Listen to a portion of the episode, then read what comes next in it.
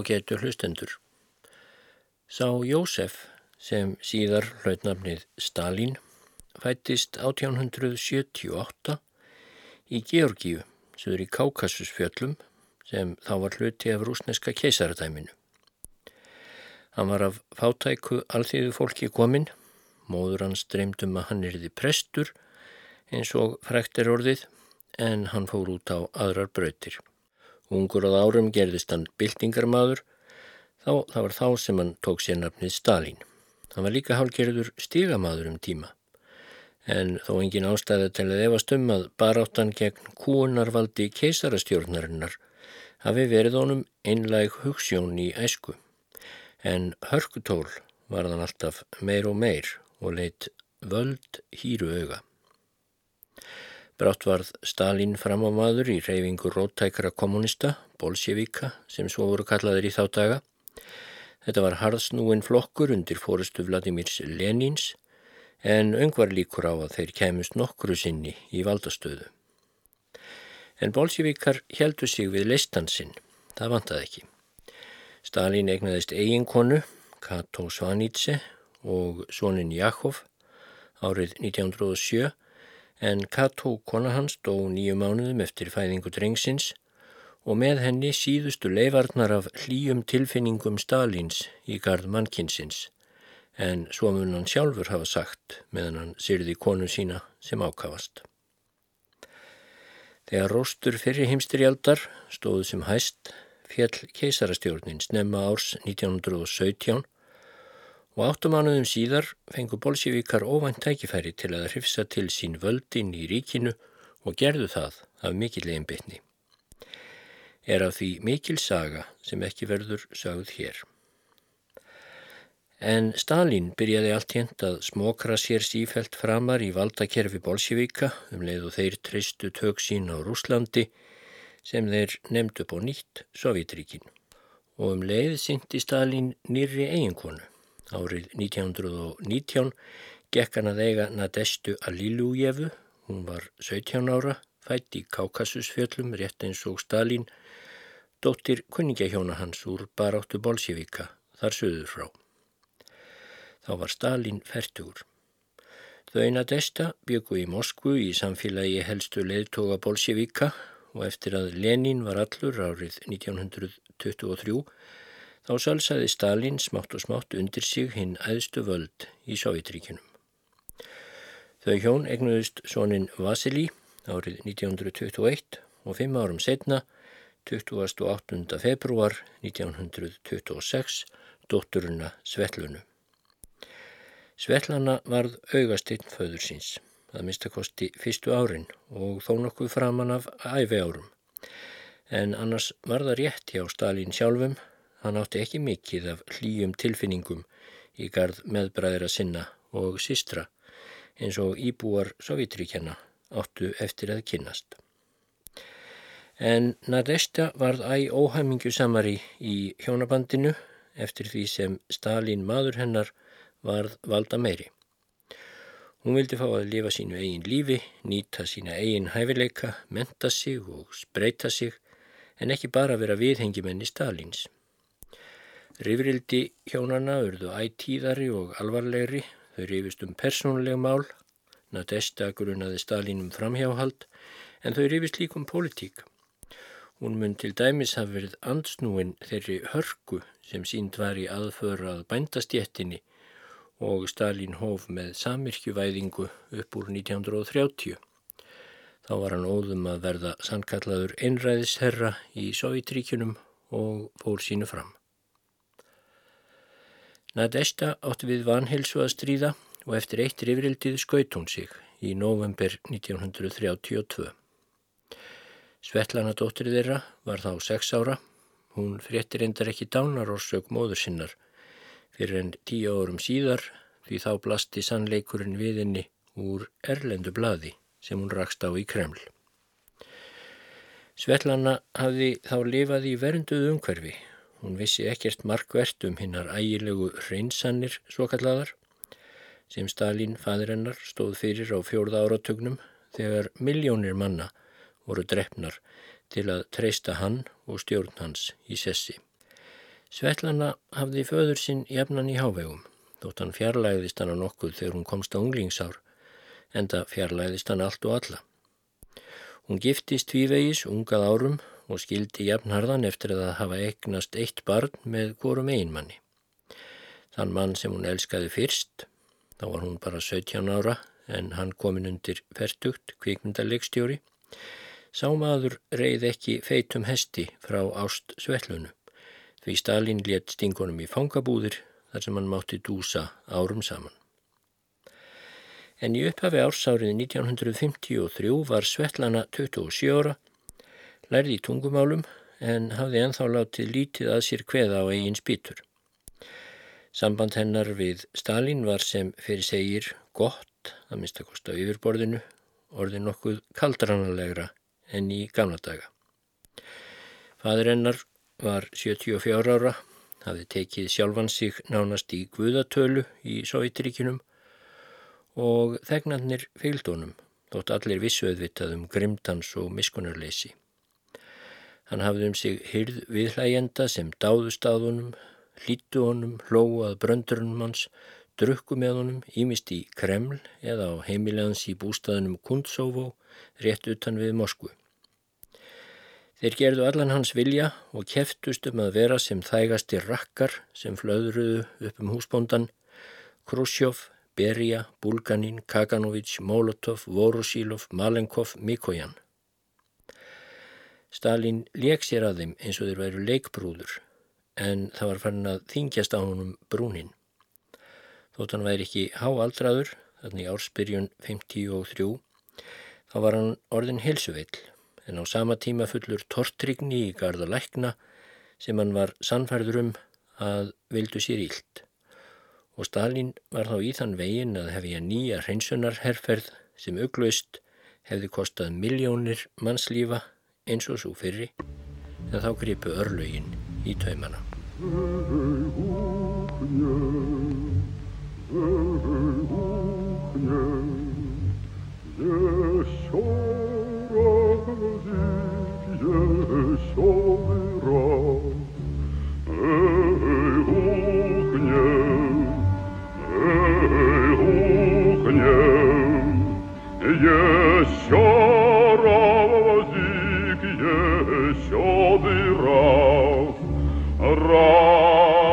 совьем и березу,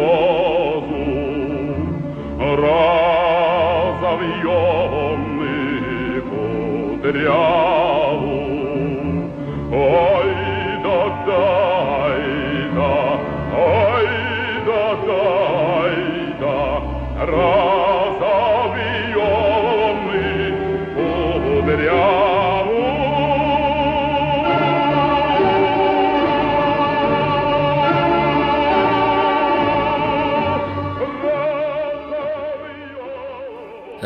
Unaðslegur morgun, skóarmorgun. Fuglarnir syngja morgunljóð sín og sólskinnið smígur hægt gegnum grænleitt hálfrökkur skóarins. Í dag ætla ég að segja þér frá sjálfum endinum, frá fyrstu dögunum í mars 1953 þegar ég var heima hjá föður mínum og horfði upp á dauðastríðans. Ég er að lesa hér úr bók sem Svetlana Stalina skrifaði árið 1963 og kallaði 20 bref til vinnar. Það eru æfiminningar hennar er hefjast á þeim örlagaríka degi þegar fadrinnar Jósef Stalin deyr. Bókina geimd hún í handriti fyrstum sinn. Fjórum árum setna, 1967, Vakti það heimsatikli þegar Svetlana sem þá var á ferð á Indlandi leitaði hælis í bandaríska sendiráðinu á Indlandi og fekk politíst hæli í bandaríkinum. Arftakar Stalins, við hlæjendur hans frá því forðum daga, þeir höfðu tekið á sig rögg nokkrum árum eftir látans og fordæmt arfleð hans og sagt sovjetmönnum sannleikan eða minnstakosti hluta sannleikans um það hvernig stjórn hans hefði raunverulega verið háttað. En það var samt meiri háttar áfall fyrir þá að dóttir Stalins skildi ekki hafa meiri trú á Sovjetríkunum sem segja má að Stalin hafi komið fótunum undir heldur en þetta á hún flúði. Henni hafði tekist að koma handritinu að þinnum 20 brefum til vinnar frá Sovjetríkunum og bókin kom út rétt eftir að hún sjálf flúði. Bókin vakti vitaskuld ekki síðri aðtikli en flótti hennar sjálfrar menn höfðu aldrei áður fengið aðra eins mynd úr einsta hringnum kringum Stalin eða úr einsta hring Sovjetríkjana yfirleitt. En sérfræðingar í sögu Stalins og Sovjetríkjana voru fljóttir að benda á að þótt Svetlana viðurkendi vissulega ymsar mískjörðir föður síns, þá var hún greinilega enn undir hans ægis hjálmi og reyndi ákaft, meðvitað eða ómeðvitað, að kenna ílmenninu Beria um það versta sem gerðist í Sovjetríkunum á tímum föður hennar. En Beria, þótt andstíkilegur væri, hann var samt aldrei annað en einn af hinnum diggu þjónum Stalins. Beria réði yngu um þá leið sem mörguð var, þótt hann tæki þátt í að fetana og það með blóðugum hætti. Bókin hennar Svetlunu, þessi 20 bref, þau komu út víða á Vesturlöndum strax og fréttist um handritið. Þar á meðal kom bókin út á íslensku strax þetta sama ár 1967 og þar skrifaði Svetlana sem sagt Það voru skjelvilegir dagar. Vitundin um að ég hefði ekki lengur fast land undir fótum greip mig fyrst annan mars en þá var ég kolluð út úr frönsku tíma í Akademíunni í Moskvu og fekk svofelda orðsendingu Malenkov vill að þú komir til Blisni. Blisni er rúsnest orð sem merkir nálægð og jáframt nafn á sumarbústað föður míns eða Dakha í Kuntsevó skamt frá Moskvu og það var notað til aðgreiningar frá öðrum bústöðum hans lengra frá. Ég hafði aldrei verið kvött til Blitsni af öðrum en föður mínum. Mér var því undarlega órótt innan brjósts þegar ég fór. Þegar við komum inn fyrir hliðin stóðu þeir Krusjov og Bulganin á akbrautinni og gáfu merki um að stöðva bílinn framann við húsið. Ég hugsaði með mér að öllum undir lokið. Þeir tóku mig við hönd sér um leið og ég steg út úr bílnum. Báðir táruðust. Við skulum koma inn, sögðu þeir. Berja og Malenkov munu segja þeir allt sem skeið hefur. Í sjálfum forsalnum í bústað föður míns var allt með öðrum hætti en vant var. Gangstætt djúprið högninni sem það ríkti venjulega var nú ís og þís allir á þönum fram og aftur. Þegar einhver varður lokst til að segja mér að fadir minn hefði fengið heila blóðfall um nóttina og væri meðvitundarlaus, þá var eins og mér létti. Ég hafði haldið að hann væri þegar látin. Þetta hafði þá skeð undanfarandi nótt. Einhverjir hafðu komið aðunum klukkan þrjú um nóttina hér í þessu herbergi, einmitt hér, þar sem hann lá á ábreyðu hjá legubeknum. Þeir afriðu að bera hann inn í næsta herbergi á bekkin þar sem hann var vanur að sofa og þar kvílda nú. Þú getur farið þangað inn, saði einhver við mig. Ég hlustaði eins og í leðslu. Einstök atriði skiptu engu máli framar. Vitund mín nama aðeins eitt að fadur minn var að deyja.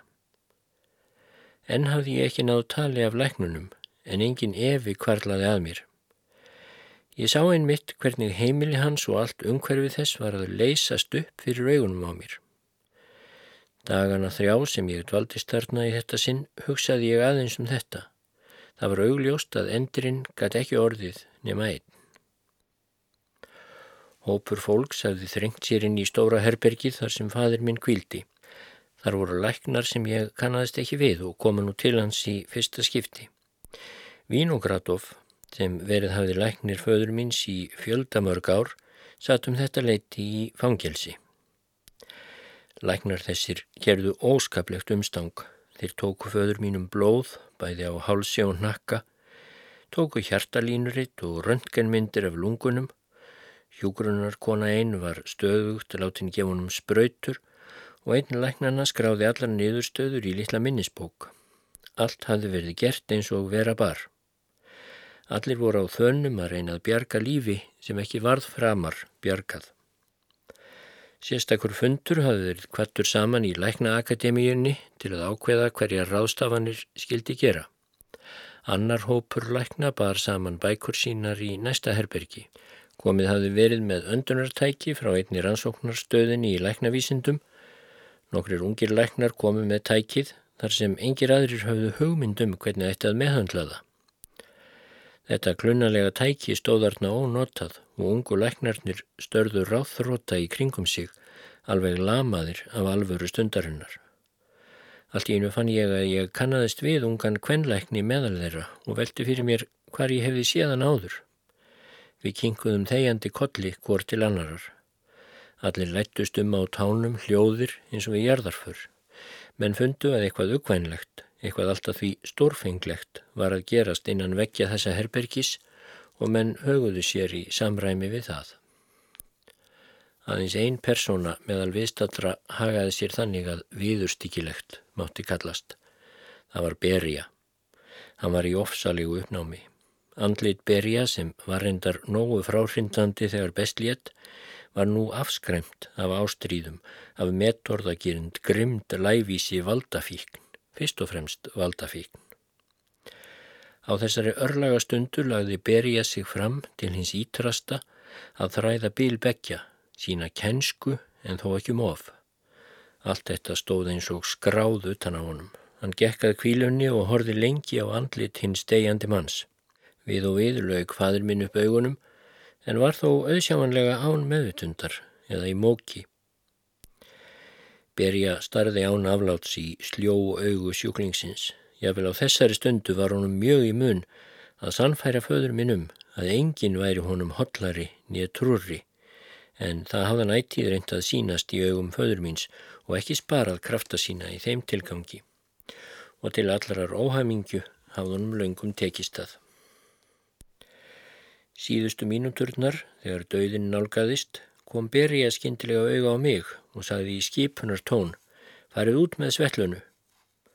Allir viðstattir horðu undrandi í kringum sig en enginn hreyði sig. Þegar öllu var lokið, snaraðist Berja samstundis fram á gang á undan öllum öðrum, þögninn í herberginu, þar sem menn stóðu hljóðir um hverfi stánarbeðin, var rofinn af háværi rött hans og sígur hreimurinn lindi sér ekki þegar hann rópaði færið mér bílinn minn.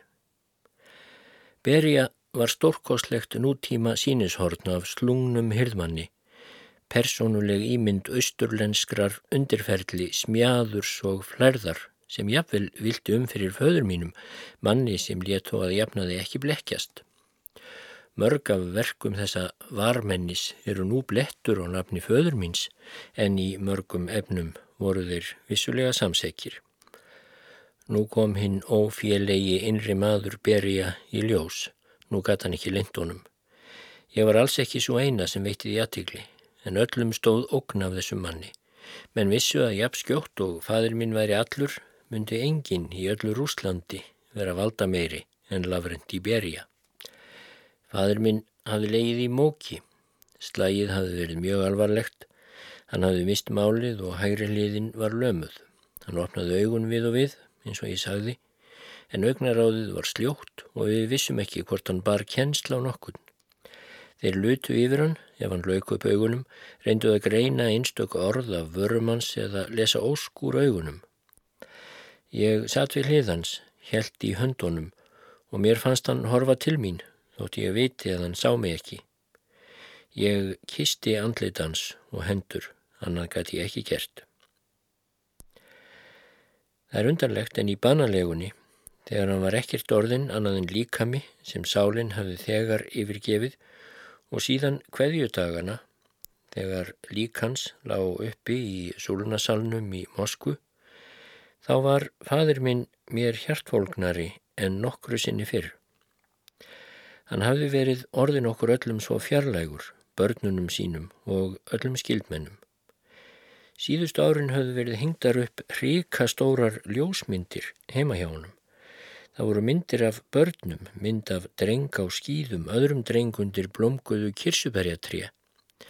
En fimm af átta barnabönnum sínum gaf hann sér aldrei tíma til að sjá. Og samt elskuðu þau hann, barnabönnin, sem aldrei sá hann, og elskan henn. En síðustu æfidagana, þegar hann fann loks frið á dánarbeðinum og andlit hans varð fagurt og kyrt, fannst mér eins og hjarta mitt væri að bresta af hreyð og ást. Gorki fyrir nýja síðar hef ég fundið hið innra slíka olgu sterkra andstæðra tilfinninga. Dag eftir dag stóð ég í súlunasalunum, þögul og sem steinrunnin. Í bókstaflegum skilningi stóð ég þar, þótt alltaf væru einhverjir að reynað að fá mig til að setjast. Ég hef lítið mér stól, en ég gati ekki sest. Ég varð að standa í návist þess sem var að gerast. Þessa daga gerði ég mér ljóst að framundan hildi undir einhvers konar frelsun eða laust. Ég vissi ekkert hvers konar frelsun það yrði eða í hverju mynd hún kynni að verða en ég fann að léttamundi af mér og öllum öðrum því heljar fargi sem kvílt hafði á hugum og hjörtum manna. Það var verið að leika gamalt þjóðlag frá Grúsíu eða Georgíu, tregafullt lag og þrungið viðkvæmni. Ég horfi á andlit föður míns, svo fagurst í dapurleik sínum og rósemi, hlustað á útfarartónlistina og sorgin nýsti hjarta mitt. Mér varð hugsaðum hversu vond dóttir ég hefði verið, að ég hefði verið honum eins og framandi manneskja, fremur en sem dóttir, aldrei verið þessari innmanna sál minnsta stóð þessum sjúka aldur nigna manni sem menn höfðu yfirgefið á sínum ólimpstindi.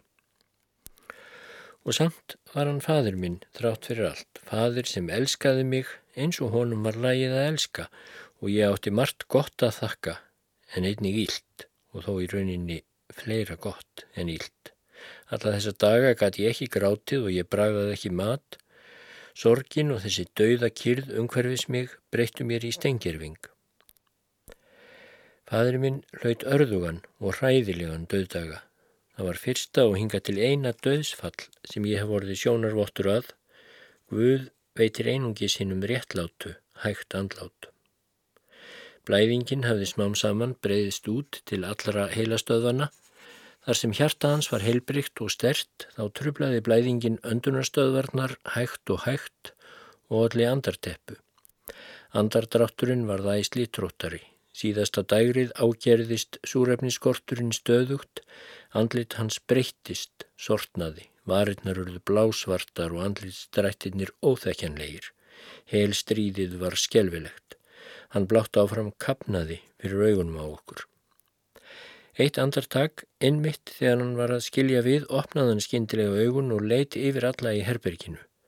Það var ægilegt augnaráð, trillt eða þrungið bræði, fullt af ótta við dauðan og hinn ókunnu andlit læknana sem lutu yfir hann.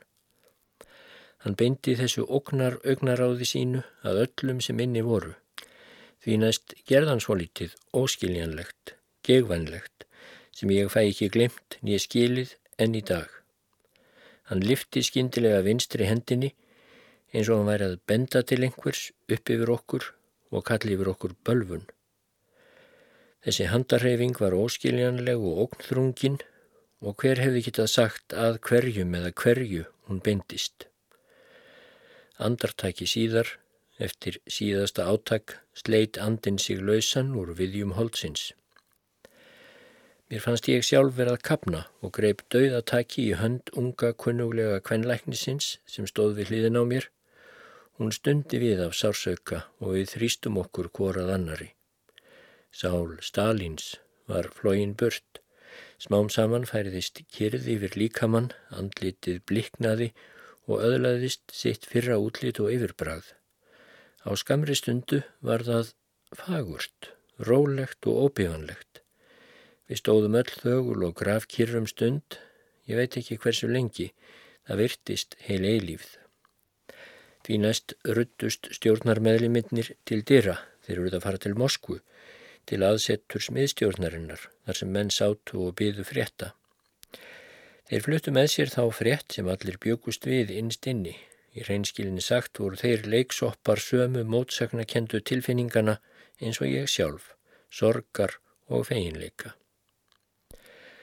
Allir að undanteknum hinnum gerspilt að berja voru ráþróta og ráðvildir þessa daga, reyndu að hjálpa en voru jáfnframt skeldir við tilhugsunana um hvað framtíðin kynnaði að bera í skauti sér. Margir gretu af einlægri sorg. Ég sá Vorosilov, Kakanovich, Malenkov, Bulganin og Khrushchev tárast. Sannleikurinn var sá að aukins sameinlega málefnis og málstæðar sem tengdi þá, þá voru þeir undir áhrifavaldi hinn sérstæða persónuleika föður míns, valdi sem reyf menn með sér og enginn fekk staðist. Margir þekktu þetta af eigin reynd, sumir þeirra hafa síðar viðurkentað þótt aðrir neytið í núorðið. Loks byggust menn til brottferðar. Líkið lága á dánarbeðinum þar sem það átt að liggja í nokkrar klukkustundir samkvæmt siðvenjunni, Bulganín og Mikójan hafðu þó orðið eftir. Ég var það einnig og satt á legubekk við hinvekkin. Læknarnir voru farnir og einhver hafði slögt á helmingnum af ljósunum.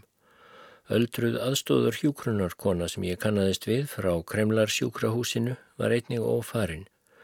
Hún var að taka til á stóra borðinu í miðju herberginu og gekk hljóðlátlega að verki sínu. Það var í þessu herbergi sem allir mötuðust í Kunsöfó og þar var framkvæmdanemdin, þessi þröngi ringur, vön að halda fundi sína. Málefni ríkisins hafðu verið rætt og ákvarðanir teknar við þetta borð meðan setið var að máltíð. Þegar fadur minn bauð einhverjum í mat, þá táknaði það ættið að eitthvert vandamál beigð úrlausnar. Geysi stór og þykk ábreyða huldi gólfið, með fram vekkjunum voru legubekkir og stólar og í einu horninu var arinn. Fadur minn vildi alltaf hafa arinneld á vetturna. Í öðru horni var blötuspillari Fadur minn átti gott sapn af rúsneskum, grúsískum og úkræinskum þjóðlögum og viðurkendi ekki aðra tegun tónlistar. Í þessu herbergi hafðist hann nær ennvörðungu við síðustu 20 ár æfinar. Nú var þetta herbergi að kveðja húsbónda sinn. Þjónustu lið föður míns og lífverðir komu inn til að kveðja. Þetta fólk fann til einlægrar sorgar og viðkvæmni matreyslumenn, bílstjórar, varðmenn, gardirkjumenn, konur sem gengið höfðum beina, öll komuðu þau hljóðlátlega inn, genguð þögulega kvílunni, öll gretuðu þau, þurkuð af sér tárin líkt og börn með handarbækinu, erminni eða vasaklúknum. Margir gretu hástöfum. Hjúgrunarskonan sem einning tárfeldi gaf þeim hjartastyrkjandi dropa. Ég horfi bara á þurrum augum, algjörlega dofin. Farið gæti ég ekki, ég bara horfi Horði gæti ekki slítið mig burt. Valentína Ístómína, eða Valetska eins og hún var kölluð, hafði verið ráðskona hjá föður mínum í áttján ár. Nú kom hún inn til að kveðja. Hún let fallast þingslalega á hnén, lagði höfuðið að brjósti hans og kveinaði hástöfum eins og þeir gera í sveitaþorpunum. Hún held í lengi áfram, en það reyndi engin að þakka niður í henni. Allt þjónustu fólk föður míns unni honum. Í hinnum lítilvægari efnum var ekki örðugt að gera honum til hæfis. Hann var einmitt kurteis blátt áfram og reytn við þá sem þjónuðunum. Hann ávitaði fyrst og fremst stórlagsana, hersöðingjana og fóringjana í lífverðinum. Oft bað þjónustu fólkiðan líka hjálpar og engum var sinjað. Síðustu æfi árans hafi Valetska og öll hinn séðan daglega og fylst langt um betur með honum en ég sem bjó á allt öðrum stað. Hún hefði séð fólk frá öllum löndum heims við stóra borðið þegar hún gekk jafnanum beina í veslum, þess vegna hafði hún orðið sjónarvottur og áheyrandi að mörgu sem fróðulegt var. Það sjálfsögðu innan þeirra takmarka sem staðinnar settinni. En hvenar sem fundum okkar bar saman, þá segir hún mér ætti frá einhverju þessáttar á sinn fjörlega gamansama hátt. Líkt og aðri sem þjónuðu föður mínum verður hún alla daga sannfærðum að aldrei hafi betri maður stíð fæti sínum á jörðina en fadir minn og ekkert mun hakka þeirri sannfæringu. Síðla nættur, eða réttar sagt í dögun, þá komið þeir að sækja líkið og fara með það til krupningar. Ég tók þá að skjálfa frá kvirli til ilja af einhvers konar tauga ástyrk. Grátið gæti ég enn ekki, en nötraði öll. Líkið var lagt á líkbörur. Í fyrsta sinn sá ég föður minn nakin. Líka með hans var fagur. Hann leiti ekki út fyrir að vera gamal, bara alls engin merki sjúkleika. Með nýstandi sársauka líkt og nýfur væri rekin í hjarta mér skinjaði ég hvaða var að vera hold af holdi og ég skildi að líka minn sem líf mitt var kviknað af, lifði korki, nýja andaði lengur og samt myndi ég halda áfram að lifa. Líkið var borið burt, kvítur bíl óg upp að aðaldeirunum og allir gengu út.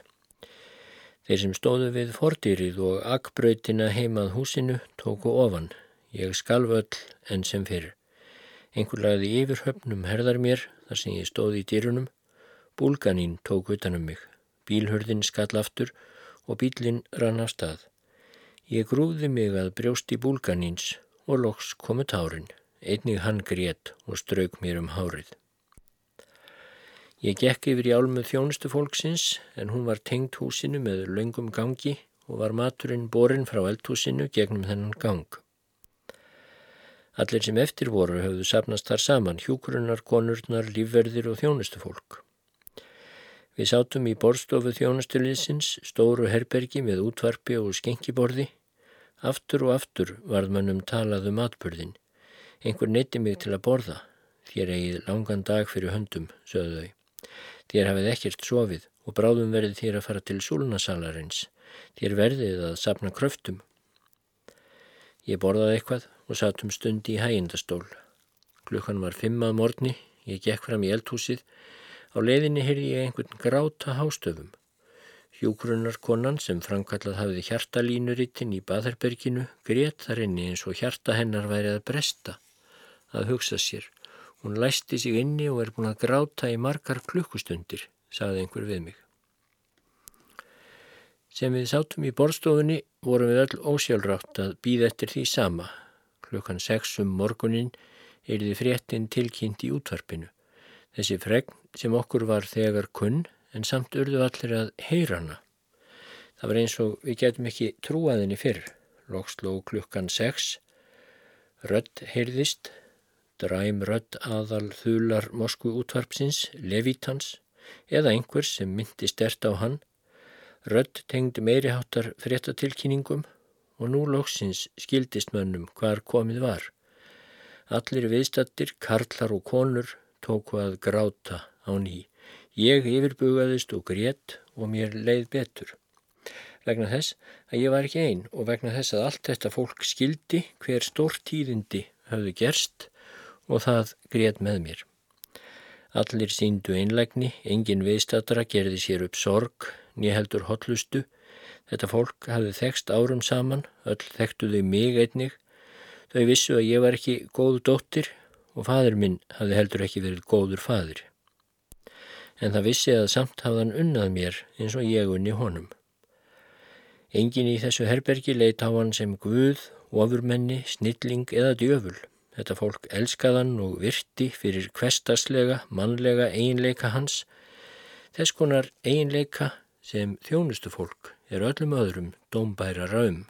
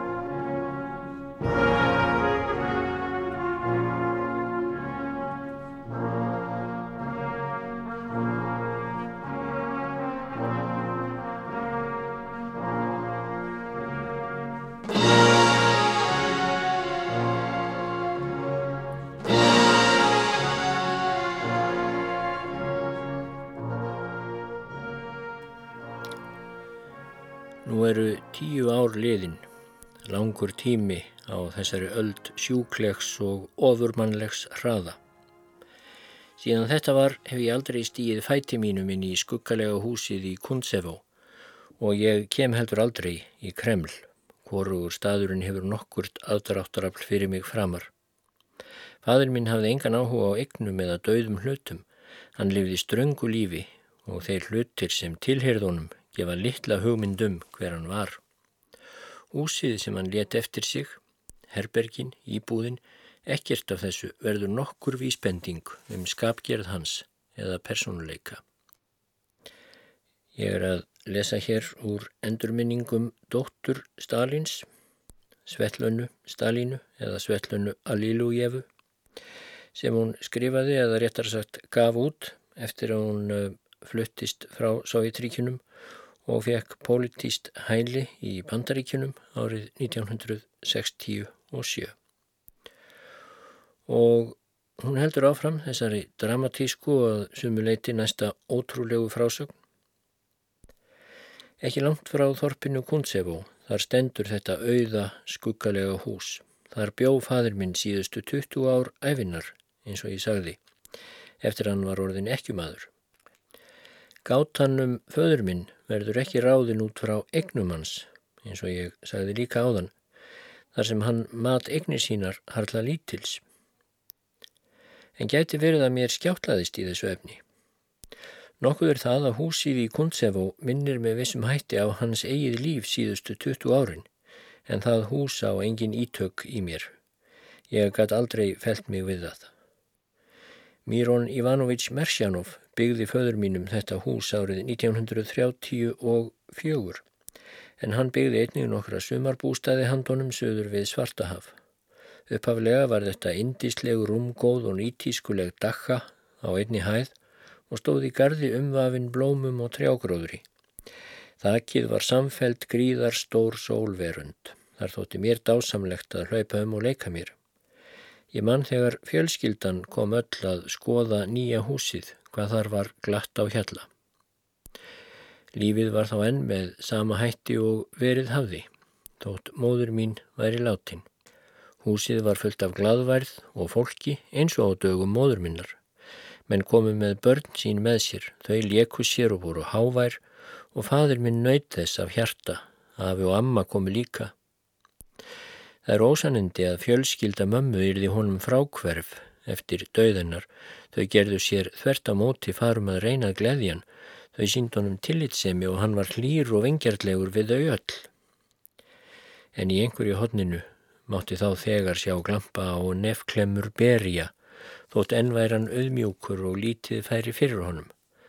Hann var öðru hverju að koma hingað frá Grúsíu til að votta föður mínum hotlustu og nú var hann komin til að skoða nýja sömarbústæðin. Allir okkar nánustu hötuðan. Fjölskyld okkar hafði megnustu óbeit á honum og stóði jafnframt stykkur af honum. Engum var svo um móður mína sem að sögn föður míns rifst út af honum og krafðist þess þegar árið 1929 að þessum manni væri ekki liftinn fyrir húsins dyr.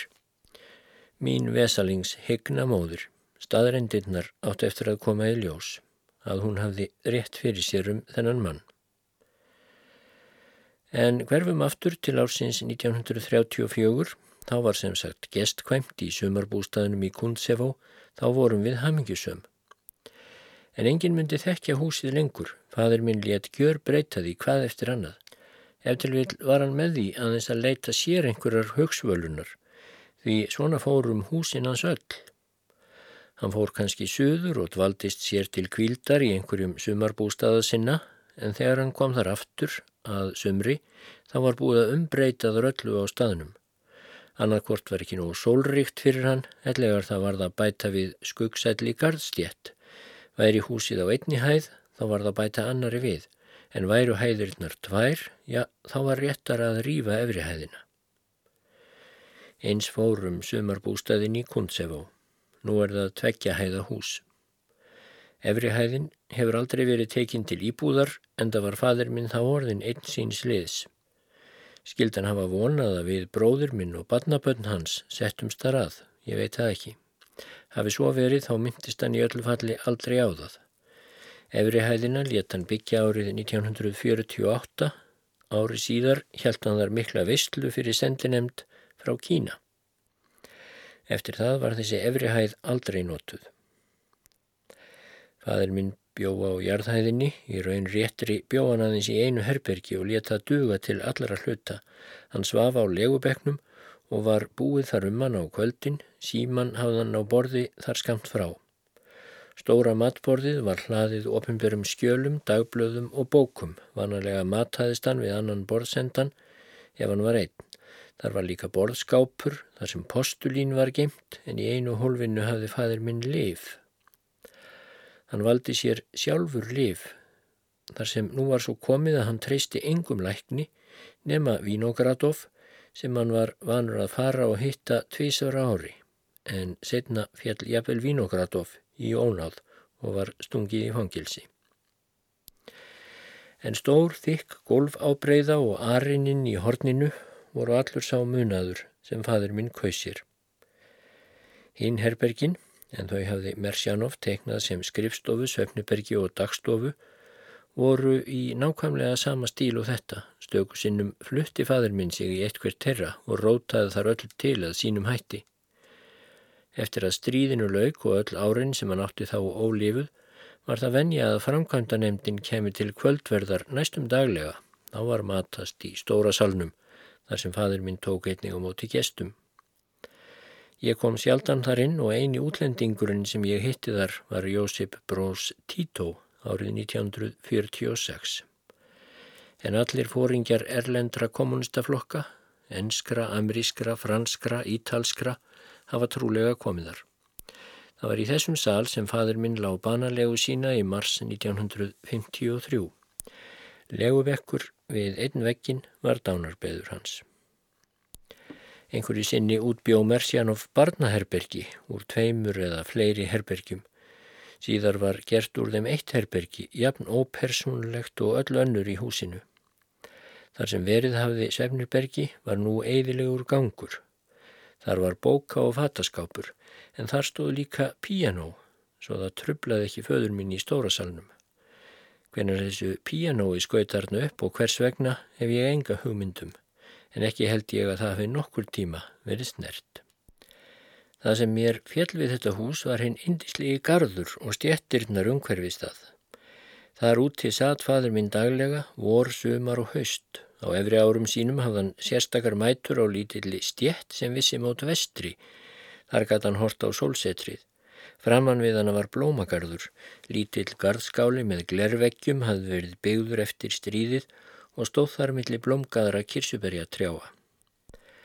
Garðurinn, blóminn og skórin umhverfis veittu föður mínum kvíld og dægradvöl. Sjálfur tók hann sér aldrei í skoblu í hönd gróf nýja stakk upp eins og garðirkjumenn gera en hún var indi að því að sjá gróður dapna, sjá allt í vexti. Hann vildi hafa blómskrúðið sem ríkulegast. Hann vildi sjá rauð fullþroskuð kirsubir, eppli og tómata allstæðar og til þess ætlaðist hann af gardirkjumanninum. Einstökusinnum fekk hann sér gardklippur og klifti burt fáinnar greinar, lengra náðu gardirkjustörf hans ekki. Hér og þar í gardinum stóðu lítil listihús Sum voru með þaki, önnur þaklaus. Sum voru aðeins trépallur með borði, korfustól og kvílubekkur táum. Tímunum saman reikaði fadir minn um gardin eins og hann væri að leitað kyrlátum þægilegum stað en árangur slust. Á sumrin var hann oft daglangt á ferli utanhús og leta á færa sér oppenbyr skjöl, dagblöð og te út í gardin. Þetta var munaður, samkvæmt hans ósk og skilningi, Þar byrtist líka hilbrigð lífslöngun hans, óbrigðul ást hans á náttúrunni og jörðinni. Jáframt sínir þetta hilbrigða skinnsemi hans, en á efri árunum þá þráðan að halda góðri helsu og verða langlýfur. Það er kannski rétt að árétta að hér er verið að lýsa efstu dögum Jósefs Stalins, en það er náttúrulega dóttir hans sem gefur okkur þessa lýsingu sem verður að teljast bísna fegruð. En Svetlana heldur áfram. Síðast þegar ég heimsótti föður minn í Kuntsevó tveimur mánuðum fyrir andlátans brá mér heldur en ekki í brún. Um alla veggi gæti að líta stækkaðar tímaritaljósmyndir af dreng á skýðum telpu að drekka geitarmjólkur horni börnum undir kirsuberjatrám og þarfram eftir göttunum. Í stórasalunum var heilt sapn teiknimynda, endurprentana ekki frummynda eftir listamannin Jar Kravchenko. Þær áttu að vera af rittöfundum svo sem Gorki og Sjólokov og einhverjum fleirum sem ég man ekki. Á einum vegg salarins hekk innrömmuð eftir brentun af hinnu fræga málverki Ilja Repins svar Dnieperkosakans til Soldonsins. Þessa mynd elskaði fadur minn og þótti gaman að hafa heið grófa tilsvar kósakans eftir hver svo sem á hlíti. En herra á vegnum hekk andlitsmynd af Lenín síður en svo góð. Það var undarlegt og hálf hjákáttlegt í senn að sjá þessar myndir allar þar sem fadur minn hafði aldrei haft neitt áhuga fyrir myndlist, nýja ljósmyndun. Eina undantekning í því efni var íbúðin okkar í Kreml Eftir látum óður minnar voru stækkaðar ljósmyndir af henni hengtar upp í uh, skrifstofu föður míns og í borstofunni. En hann var hættur að búa þar þegar hér var komið sögu svo það skipti engu framar. Það er alröng hugmynd að Stalin hafi búið í Kreml. Ég get ekki ímynda mér hver fann upp á þeirri hugmynd. Hún er enda rétt í þeim skilningi einum að fadur minn starfaði í Kreml og skrifstofa hans var þar í húsakinnum miðnemdarinnar og ráðuneytisins. Undarlegir atbyrðir hurðu í Kundsefó eftir lát föður míns. Dæin eftir lát húsbóndans, korki meirinni minna og þó nokkru fyrir útföruna, þá létt Lavrendi Berja kalla alla heimamenn saman, þjónustulíðið og líförðin og tilkynnti þeim að eftirlátnar eigur föður míns yrðu tafarlust, fluttar burt, engin vissi hvert og svo ætti þau öll að yfirgefa staðin. Það var líkast því sem það ætti að þurka út öll merki um Jósef Stalin.